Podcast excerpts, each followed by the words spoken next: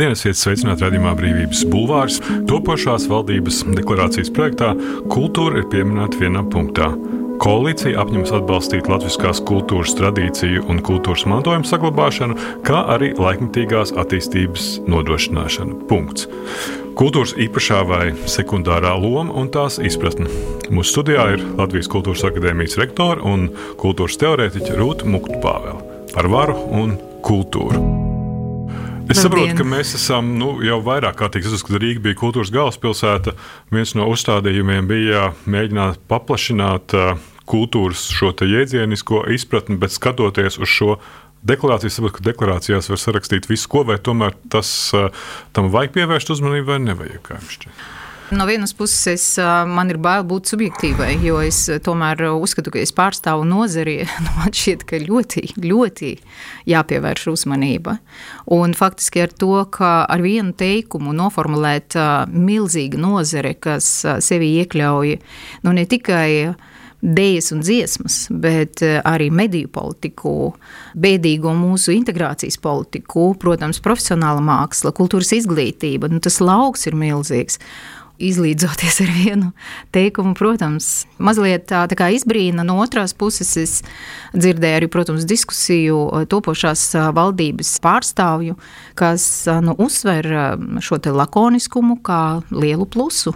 Jo lakoniskāk, jo ietilpīgāk. Vienkārši tas, ko gribētos nu, saprast, vai apgaismota politika, vai tā ir tikai tāda ilūzija.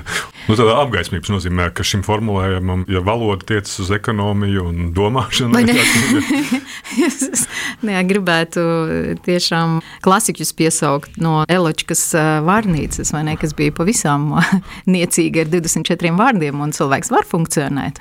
It kā jā, no vienas puses, bet nu, tad ir kāda ir mūsu tā ambīcija, vai mēs tiešām tomēr nu, kaut kā tiecamies uz to civilizēto, kultūrā arī balstītu valsti, kā pilnvērtīgu tādu rietumu labklājības sistēmas sastāvdaļu, vai tomēr nu, jā, tad, tad virzamies varbūt uz otro pusi vai arī apstājamies.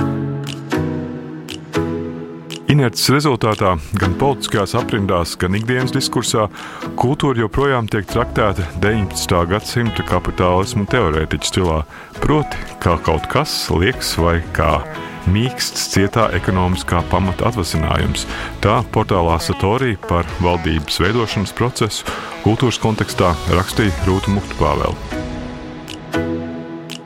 Cik lielā mērā ir iespējams vispār mainīt šo izpratni par to, ka kultūra nav tikai stāsts par glezniecību, Jā. mūziku un kino, ka tas ir visaptverošs process. Kādā veidā šī izpratne ir maināma, lai to attiecinātu uz visu ministriju sadalījumu, ne, ne tikai uz Jā. vienu specifisku? Jā. Viena lieta, protams, būs un būtu ir kultūras ministrijas līderi jautājums. Bez šaubām ir nepieciešama spēcīga, zinoša personība. Ļoti daudz kas ir atkarīgs no līdera un no viņa komandas. No otras puses, protams, ir ļoti svarīgi tomēr strādāt eh, nu, visos līmeņos, sākot jau no skolas un no pamatskolas. Mēs eh, tiešām esam eh, attiecībā uz kultūras izpratni iestrēguši Cicerona laikmetā, kad kultūra tiešām tika definēta kā tāda kultūra anima, kā dvēseles kopšana ar, ar mākslas un izglītības palīdzību ko arī Cicerons arī patapināja šo jēdzienu kultūru no zemkopības jomas. Viņš ļoti skaisti rakstīja. Kā, kolēra bija apstrādāta zeme. Kolēra apstrādāt zemi, tas ir no zemniecības, un, un viņš teica, tā kā zemnieki kultivē augus, tā mēs ar mākslas un izglītības palīdzību varētu kultivēt jauno cilvēku dvēseles, lai viņi ir derīgi kalpošanai savai valstī. Māksla, izglītība, izsmalcināti uzvedības modeļi. Bet, ja mēs skatāmies perspektīvā, pateicoties Hermanam, Herderam, Kantam vispirms, ne, bet eh, pēc tam Herders, kas pārņēma un turpināja viņa idejas. Šīs kultūras eh, jēdziens un eh, kultūras izpratne, protams, tiek paplašināta. Tas ir jau 18. gadsimta otrā puse, kad nu, Herders arī noformulē, ka kultūra nav tikai valdnieku privilēģija, ka kultūru var atrast arī zemnieka būdiņā, jo tos vieno geogrāfiskā vide, valoda galu galā, nu, mentalitāte, ko mēs šodien devētu par gan emocionālām, intelektuālām, radošām izpausmēm.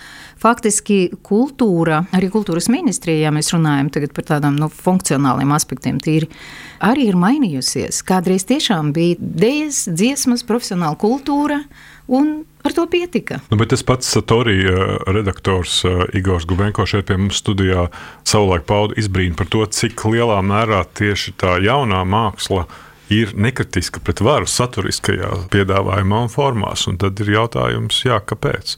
Un to pašu droši vien varētu pat attiecināt arī ne tikai uz konkrēti, arī uz citām mākslas sfērām. Tā, Tur droši vien ir kaut kāds cēlonība meklējam, kāpēc tā ir. Ja mēs atceramies kādu 80. gadu beigas, 90. gadu sākumu, o, kur kultūra Protams. pildīja, bija pavisam cits instruments, ko tieši attiecībā arī uz, uz, jā, vēl 20. gadsimta otrajā pusē, 60. gadu revolūcijas arī gāja ar kultūras tādu karogu ļoti izteiktu. Kas notika tad?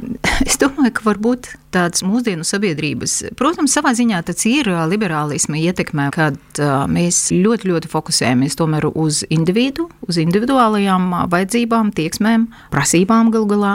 Un kā es redzu, strādājot ar studentiem, tiešām viņus ļoti, ļoti uztrauc tas, kas notiek ar viņiem personiski.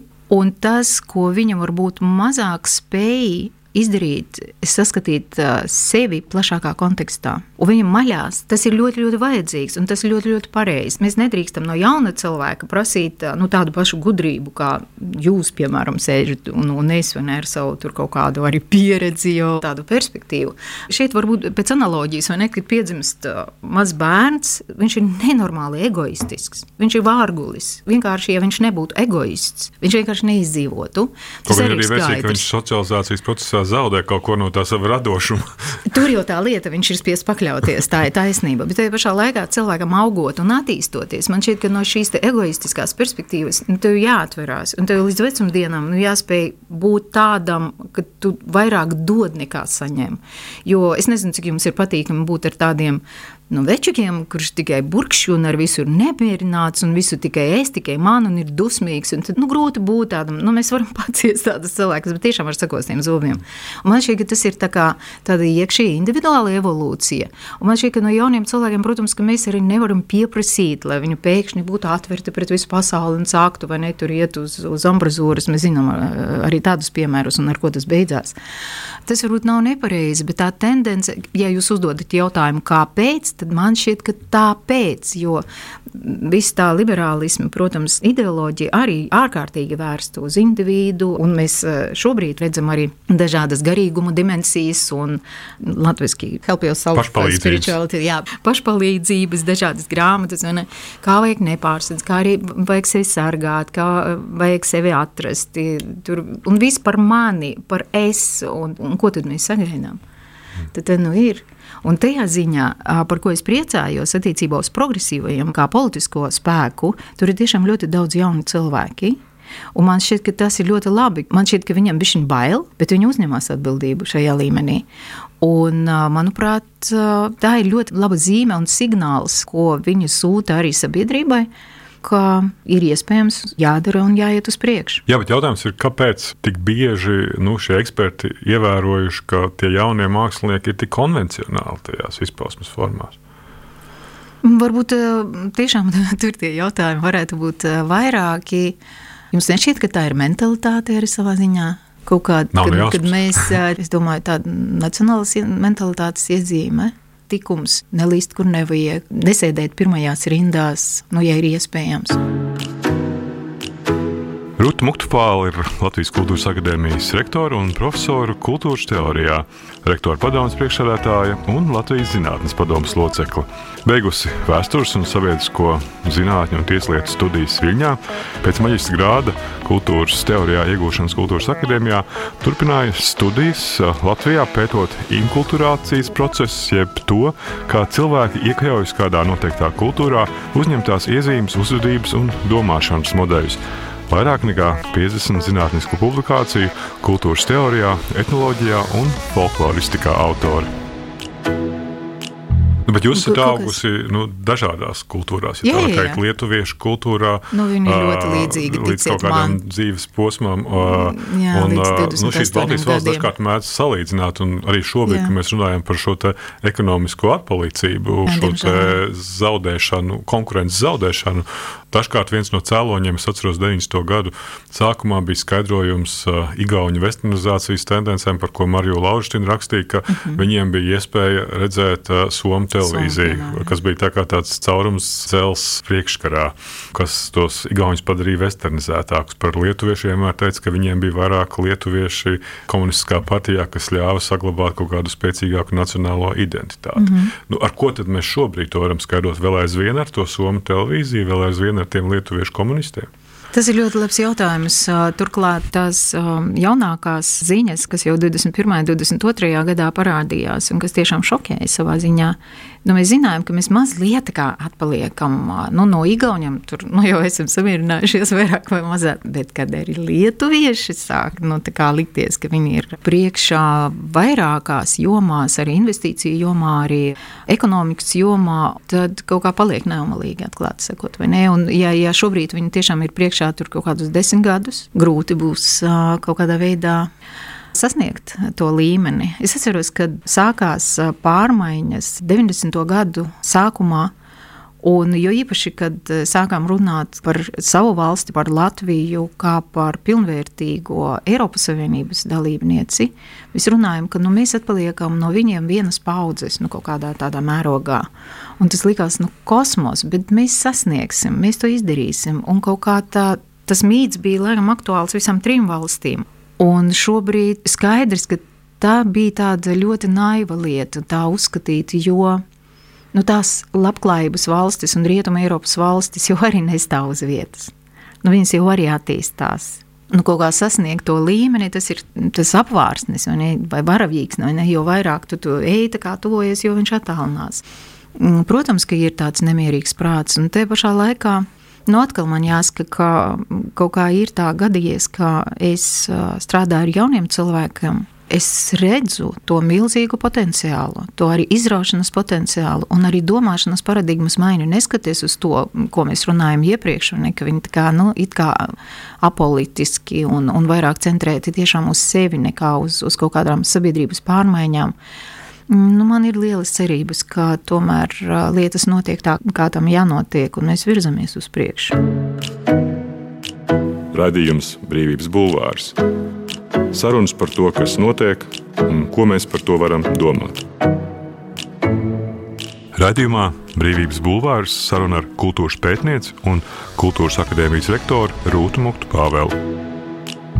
Ines Zandera žurnālā ir intervijā dzēniece saka, ka revolūcijas viņas prāt vienmēr ir interesantāks par evolūciju, bet jēdzīga politika ir vienošanās, nevis kara un revolūcijas māksla. Un ir liela atšķirība starp vienošanos, sarunāšanos un sarunāšanu. Un, un viņa saka, ka šobrīd valdības veidošanā valda šī sarunāšana. Un, nu, lai arī politiskā kultūra ir specifisks kultūras veids un nebūs gluži attiecināms uz kultūru, šī sarunāšana, protams, vairāk iezīmē politisko kultūru. Tad ir jautājums par to, vai visa iemesls ir tieši šīs politiskās kultūras iezīmes vairāk nekā 30 gadu laikā, kuras nu, tiek pārmantotas bezmaz vai no paudzes paudzē ir Jā, pārmantotas, tagad. bet arī mainās. Nu, neviena paudze absolūti precīzi neatkārto iepriekšējās paudzes uzvedības modeļus, domāšanas modeļus, arī vērtības mainās. Un to mēs redzam. Nu, ienāk tomēr tā jaunā paudze arī politiskajās aprindās. Es zinu, ko es man gribu teikt. Kāpēc ir ievēlēts tas šlesers? Tad ja, es jums piekrītu. Mēs redzam, jūs runā, sakat, ka tur viens politiskais spēks nu, tas, nāk ar zināmām kaut kādām progresīvām idejām, jā. bet mēs redzam, ka arī viņi piedalās un spēlē pēc šiem te vecās politiskās kultūras spēles noteikumiem. It kā jā, tajā pašā laikā man šķiet, ka tur nav, nevar salīdzināt to brutalitātes līmeni, ar kādu tiešām tika sarunātas lietas 90. gados, un pēc tam pēc iestāšanās Eiropas Savienībā tas ļoti, ļoti mazinājās. Cita lieta, ka mums tas inertiskums attiecās uz personībām. Tad, kad mēs nu, redzam cilvēku, kurš labi runā, nu, viņš ir dusmīgs, un tad tas, tādi cilvēki mums ļoti, ļoti patīk, jo tad mums šķiet, ka nu, viņu visu var arī panākt tādā pašā veidā, kā mēs esam pieraduši. Un otrā lieta, ka man šķiet, ka šis ir arī tāda selektīvas atmiņas kaut kāds mehānisms ieslēdzas, jo cilvēki mēdz idealizēt savu pagātni. Nu, jā, mēs atceramies, ka nu, tajos laikos tomēr bija labāk nekā. Jo tagad nu, pasaule vispār jau iet vai ne bojā. Un, un jūs kā filozofs ļoti labi zinat, ka nav bijusi tāda paudze, kurā nebūtu tās eskatoloģiskie mīti vai ne, un negaidītu tās pasaules beigas. Un neuzskatītu, ka nu, šī paudze jums noteikti ievedīs nu, totāli kaut kādā grāvī. Un man šķiet, ka tas ir tas iemesls, ja, par ko mēs varam brīnīties, bet neskatoties uz to. Man šķiet, ka no vienas puses, jā, arī jaunie spēki nu, ir spiesti pielāgoties, vai arī viņi visu laiku kā, paliek tikai opozīcijā. Bet dodam viņam iespēju, dodam viņam nu, kaut kādu telpu, tad izpausties, lai viņi kļūdās, krīt, un tad ceļās no jauna un vairs neatkārto savas kļūdas. Es kaut kā neticu, ka tur būtu sarunāšana. Tāda nu, brutāla, tāda kā mēs esam pieraduši, ko mēs dēvējam pat ne par sarunāšanu, bet par tirgošanos. Tirgošanās man šķiet, ka šajā brīdī, nu, vismaz es nezinu. Kas vēl bija, manuprāt, interesants aspekts tieši šajā nu, kultūras ministra nominācijā, visā šajā procesā, kādā veidā kultūras ministrs tika meklēts.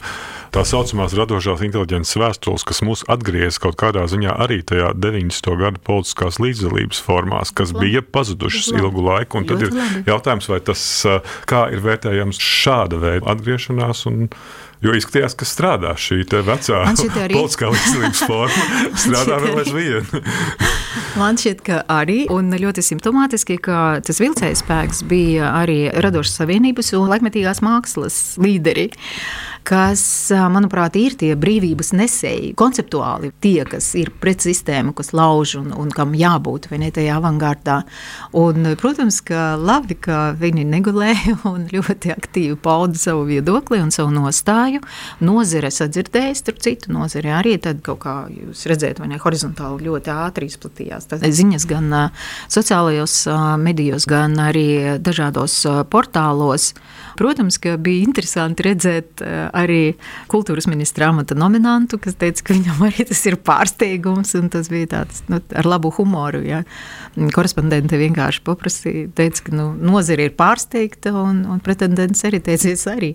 Tā kaut kā palika, bet es domāju, ka jā, tas ir piemērs, kā nu, kaut kādā veidā tomēr nevar norakstīt tos aktīvos, radošos, inteligentos cilvēkus. Tad, kad ir nu, rīktīgas briesmas, viņi tad atkal atkal iet un metās, un atkal ir pirmie, kas iestājas par pārmaiņām. Bet vai tā ir nu, tāda mūsdienīga forma, ja mēs redzam, nu, tā ir Latvijā ļoti izplatīta, ka kaut kādos zināmos brīžos viedokļu līderis tiek meklēts starp kultūras darbiniekiem, kam ir patiešām tiešas asociācijas ar 80. Laikos. gadu beigām, 90. gadu sākumu. Visos laikos tā ir bijis. Jūs, jūs prāt, tas nemainās vienkārši man šķiet nemainās, kultūrā. un man šķiet nemainīsies, un ne tikai mūsu kultūrā. Jo tas ļoti dabiski. Nu, cilvēks tomēr, kā saka, cilvēkiem ir dieva dāvana, ko mēs dēvējam par valodu. Un kas to spēja formulēt? Kas spēja precīzi pateikt?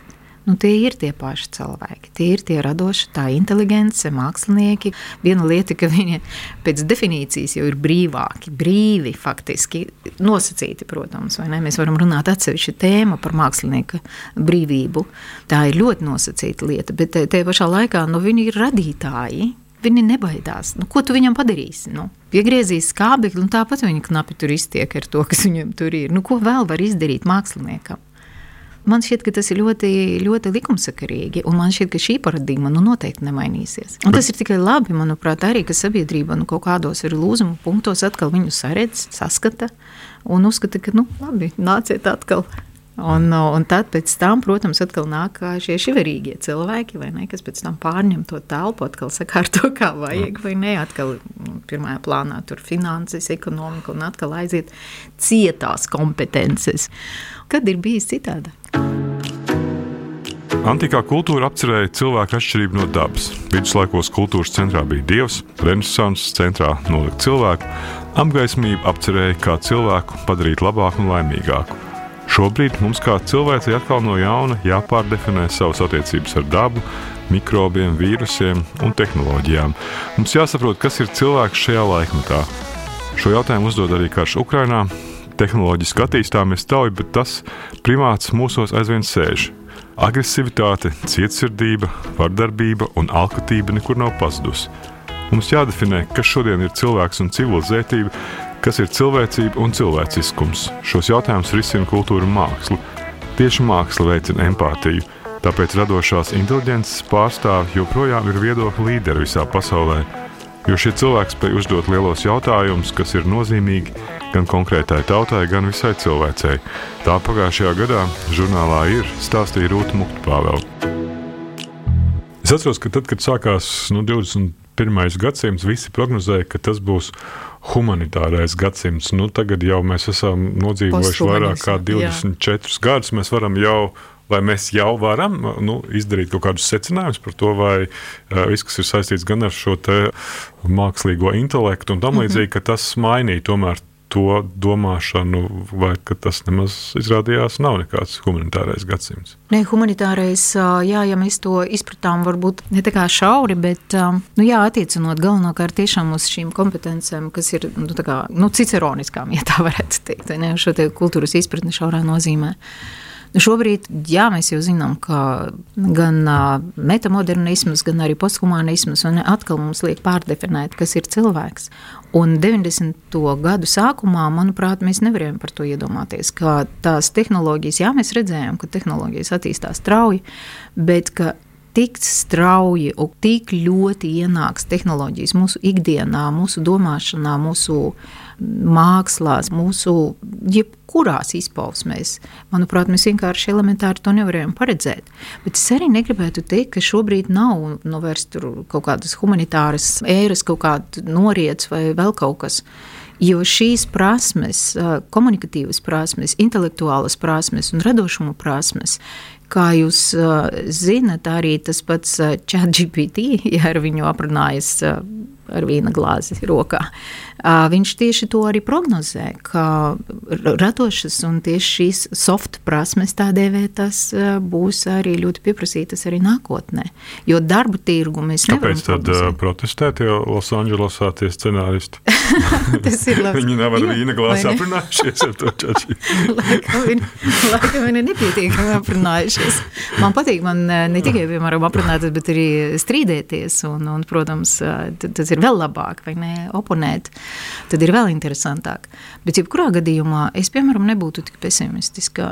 Protams, mēs prioritizējam STEM jomas tāpēc, ka tur uh, ir nepieciešamas nu, kaut kādas šīs uh, prasmes, kas ir saistītas ar, ar eksaktām uh, zinātnēm, un uh, šīs zināšanas bez šaubām ir ļoti vajadzīgas, bet kā mēs redzam, ne, tā, tās ļoti strauji arī tiek jau nu, aizvietotas. Un, Tāpēc jau ir tās mašīnas radītas. Bet uh, humanitāru jomu, manuprāt, vēl, vēl nevar aizvietot mašīnas. Chat GPT viņš ir tik garlaicīgs un plašs un uh, ļoti pakļāvīgs. Un, uh, viņš ir tiešām uh, neinteresants, manuprāt. Bet tas ir pagaidām. Labs jautājums. Viņš ļoti, ļoti ātri mācās. Un ļoti patīkami, ka viņš nemitīgi atvainojas un, un piekrīt un, un visu kaut ko. Bet tā ir tāda liekulība. Uh, mēdzu ChatGPT arī uzdot šādu jautājumu, kāpēc tu liekuļoji, kāpēc, kāpēc dari to un citu. Un tad, tad viņš mēģina attaisnoties, ka viņš nav dzīves, ka viņš ir tikai sistēma. Mēs to visu saprotam. Viņš mācās, bet man šķiet, ka ir kaut kādas uh, īpašības un, un tādas lietas, ko nu, mašīnām tomēr ar to apziņu laikam nebūs tik vienkārši. Bet tas ir tāds apvērsums, jūsuprāt, kaut kādā nu, lielākā Šobrīd aspektā. es vēl neizjūtu, neizjūtu atklāti sakot, kāpēc. Nu, Cita lieta var būt, nu, kā, ka. Kā drukas mašīnas izgudrošana. Jā, tā ir mediju revolūcija. Bet attiecībā uz mākslīgo intelektu ir lietas, ko, ko viņš tiešām ļoti labi dara, un, lai konsultē visās jomās un, un meklē literatūru. Bet tur ir tik daudz kļūdu, tik daudz neprecizitātes, tik daudz ir tādu nu, nepamatoti teikumi. Tad, kad viņš kā, uzraksta kaut kādu, nu, kaut kādu korpusiņu, no pirmā acu uzmetiena šķiet, tas, oh, nu, tas ir gudri un, un vērtīgi un kvalitatīvi. Bet tikko tu sāc šķetināt, Tur ir tik daudz aplamības, neprecīzas atsauces, kaut kādi autori kaut kādi no kaut kurienes izlīduši, pilnīgi bez kompetences. Un tur ir tik daudz tādas naivas lietas, ka šobrīd man nav bail no, no mākslīgā intelekta. Attiecībā uz mākslām man šķiet, ka arī nu, ar vienu palielinās cilvēciskā faktora vērtība Jo nu jā, arī nokonstruēt arī tos pašus 3D. Nu, ar to midžurnī nu, var paniekoties, bet apnīk, atklāti sakot. Bet ko tās tehnoloģijas nevarēs nodrošināt? Nu, tulkot viņas, prot, scenārijus rakstīt, prot, aktieru līgumus sastādīt, jā. prot. Jā, man šķiet, ka tas, uz ko iet, jau atkal redz, nav iespējams, nekad nav bijis, vai ne, ka sabiedrība un kaut kādas kopienas būtu tādas monolītas, vai ne, un visi būtu vienādi, protams. Un atkal mēs redzam, ka nu, tāda divergence atkal notiek, kad iet atkal nu, kaut kāda sazarošanās, ka, ja tev pietiek ar to, ko tev izmet Midjourney un, un ar ChatGPT, un tev šķiet, ka viņš ir gudrs, nu, tad paliec ar viņu. Un būs cilvēki, kam nepietiek, kas gribēs izbaudīt kļūdu, kas ir cilvēciska kļūda, kur ir cilvēciskuma kritērijas. Es atceros, tad, kad uh, ģitāra spēlē, vai ne, kas spēlē klasisko, piemēram, ģitāru, kad tur tā švīkas, kas ir dzirdamas, nu, respektīvi pārnesot no akordu uz akordu un kaut ko, un tad tā kā kļūda parādījās šie mākslīgi ieskaņoti ģitāras darbi, kur nebija tās švīkas. Un tad visi ļoti ātri saprata, ka tas ir mākslīgi ģenerēta mūzika. Un tā, uh, uzreiz nu, kaut kā tā. Un cik ātri iemācījies, var cikot, mākslīgi noģenerēt ar visām švīkām, lai būtu, var cikot, ar visām kļūdām. tad, lai būtu tā ticamība. Es, tas kā piemērs, vai ne, bet man šķiet, ka tas ir tiešām, laikam, Elmārs Senkovs, kaut kad, jā, vienā intervijā viņš ir izteicis, ka tas, kas viņu fascinē darbā ar aktieriem, nepastarpināti, respektīvi nevis strādāt digitālā telpā, kur tu vari ierakstīt, pārrakstīt un kaut ko, tieši strādāt ar dzīviem cilvēkiem ir šis kļūdas efekts. Tā ir neparedzējumība. Respektīvi, kad aktieris, kāpēc mums rodas tā empātija? Jo man bail, ka viņš kļūdīsies, varbūt. Un, ja viņš kļūdīsies, kā viņš izies no šīs situācijas, kā viņš tiks galā ar to situāciju. Un tad rodas tas mākslas nepieciešamais šīs empātiskais efekts, ka tad tu pavelcies. Ja? Bet, ja tu zini, ka tur viss nu, labi, okay, tā notiks. Ja? Nu, tā. Bet šeit mēs arī nonākam pie tā nu, starpdisciplinaritātes kā, jā. kā izglītības instrumenta. Un tas būs. Jā. Un to Joņš Šilters mums norādīja arī studijā, ka tā ir viena no lielākajām Latvijas izglītības sistēmas problēmām, arī augstākajā mm -hmm. izglītībā, mm -hmm. ka nepastāv šī starpdisciplinaritāte. Jā, jā, mēs esam uh, disciplinaritātes vergi. Mums ļoti, ļoti grūti. Jūs taču nemācat matemātiku droši vien kultūras akadēmijā. Mums ir prasība matemātikas. nu, jūs maigs visu pasaki, bet eh, mēs prasām matemātikas eh, iestāju pārbaudījumos. Mēs skatāmies, cik cilvēkiem ir matemātikā stājoties noteiktās specialitātēs, kas ir radošas industrijas, kas ir mūsu kopīgā programma ar Rīgas Tehnisko universitāti. Tad tur ir svarīga matemātika. Tā kā savā ziņā, jā, mēs mācām. Un starp citu Pēterim Laķim bija tiešām, kas ir kultūras akadēmijas dibinātājs, viņam bija tā doma, ka jā, mēs mācīsim arī matemātiku kultūras akadēmijā un kaut kā ro, rokas netiek pie tā. Bet es piekrītu par starpdisciplinaritāti kā tādu, ja mums ir bail no starpdisciplinaritātes. Nu, pēc, nu? Jo mēs pat nezinām, ko darītu bioloģija kopā ar choreogrāfu izglītību. Un es zinu, ko viņi darītu. Un uh, mums ir brīnišķīga, starp citu, studente Marta Dieviņa. Uh, tas ir viņas uzvārds ļoti skaisti. tas nav pseidonīms. Kas, uh, jā, viņa ir pabeigusi uh, biologus un tagad iestājās uh, kultūras un mākslas studijās no pirmā kursa. Viņa ir uh, kā vecuma starpība ar tiem uh, citiem uh, mūsu pirmkursniekiem. Tie pašā laikā viņa jau šobrīd piedalās Eiropas mēroga projektos. Viņu aicina tiešām starpdisciplinaritātē balstītojos projektos, kur viņa pēta okeānu mikrofloras un mikrofaunas, var cikot tur kaut kādas svārstības, ko tur viņi tur tagad dara. Es tā tik detalizēti jums nepateikšu, bet pati viņa domā, kā to salāgot ar vidas mākslu, ar, ar, ar grafiti, ar kaut kādām citām mākslinieckām izpausmēm, jā, kā dot ziņu, kādā veidā sūtīt ziņu, kas notiek attiecībā uz okeāniem, kāpēc ne ar laikmetīgās dejas palīdzību. Paldies, tā bija Rūta Pāvēla, Kultūras akadēmijas rektora un kultūras teorētiķa. Mans vārds Gins Krūbe, raidījumu ierakstīja Toms Šits un montēja Nora Mītspā. Paldies! Paldies! Brīvība ir brīvība, nevienlīdzība vai taisnīgums, vai kultūra vai cilvēks laime. Tā teica Iesai Berlīns. Sarunas ar brīvas apziņas un ideju cilvēkiem - radījumā Brīvības bulvārs.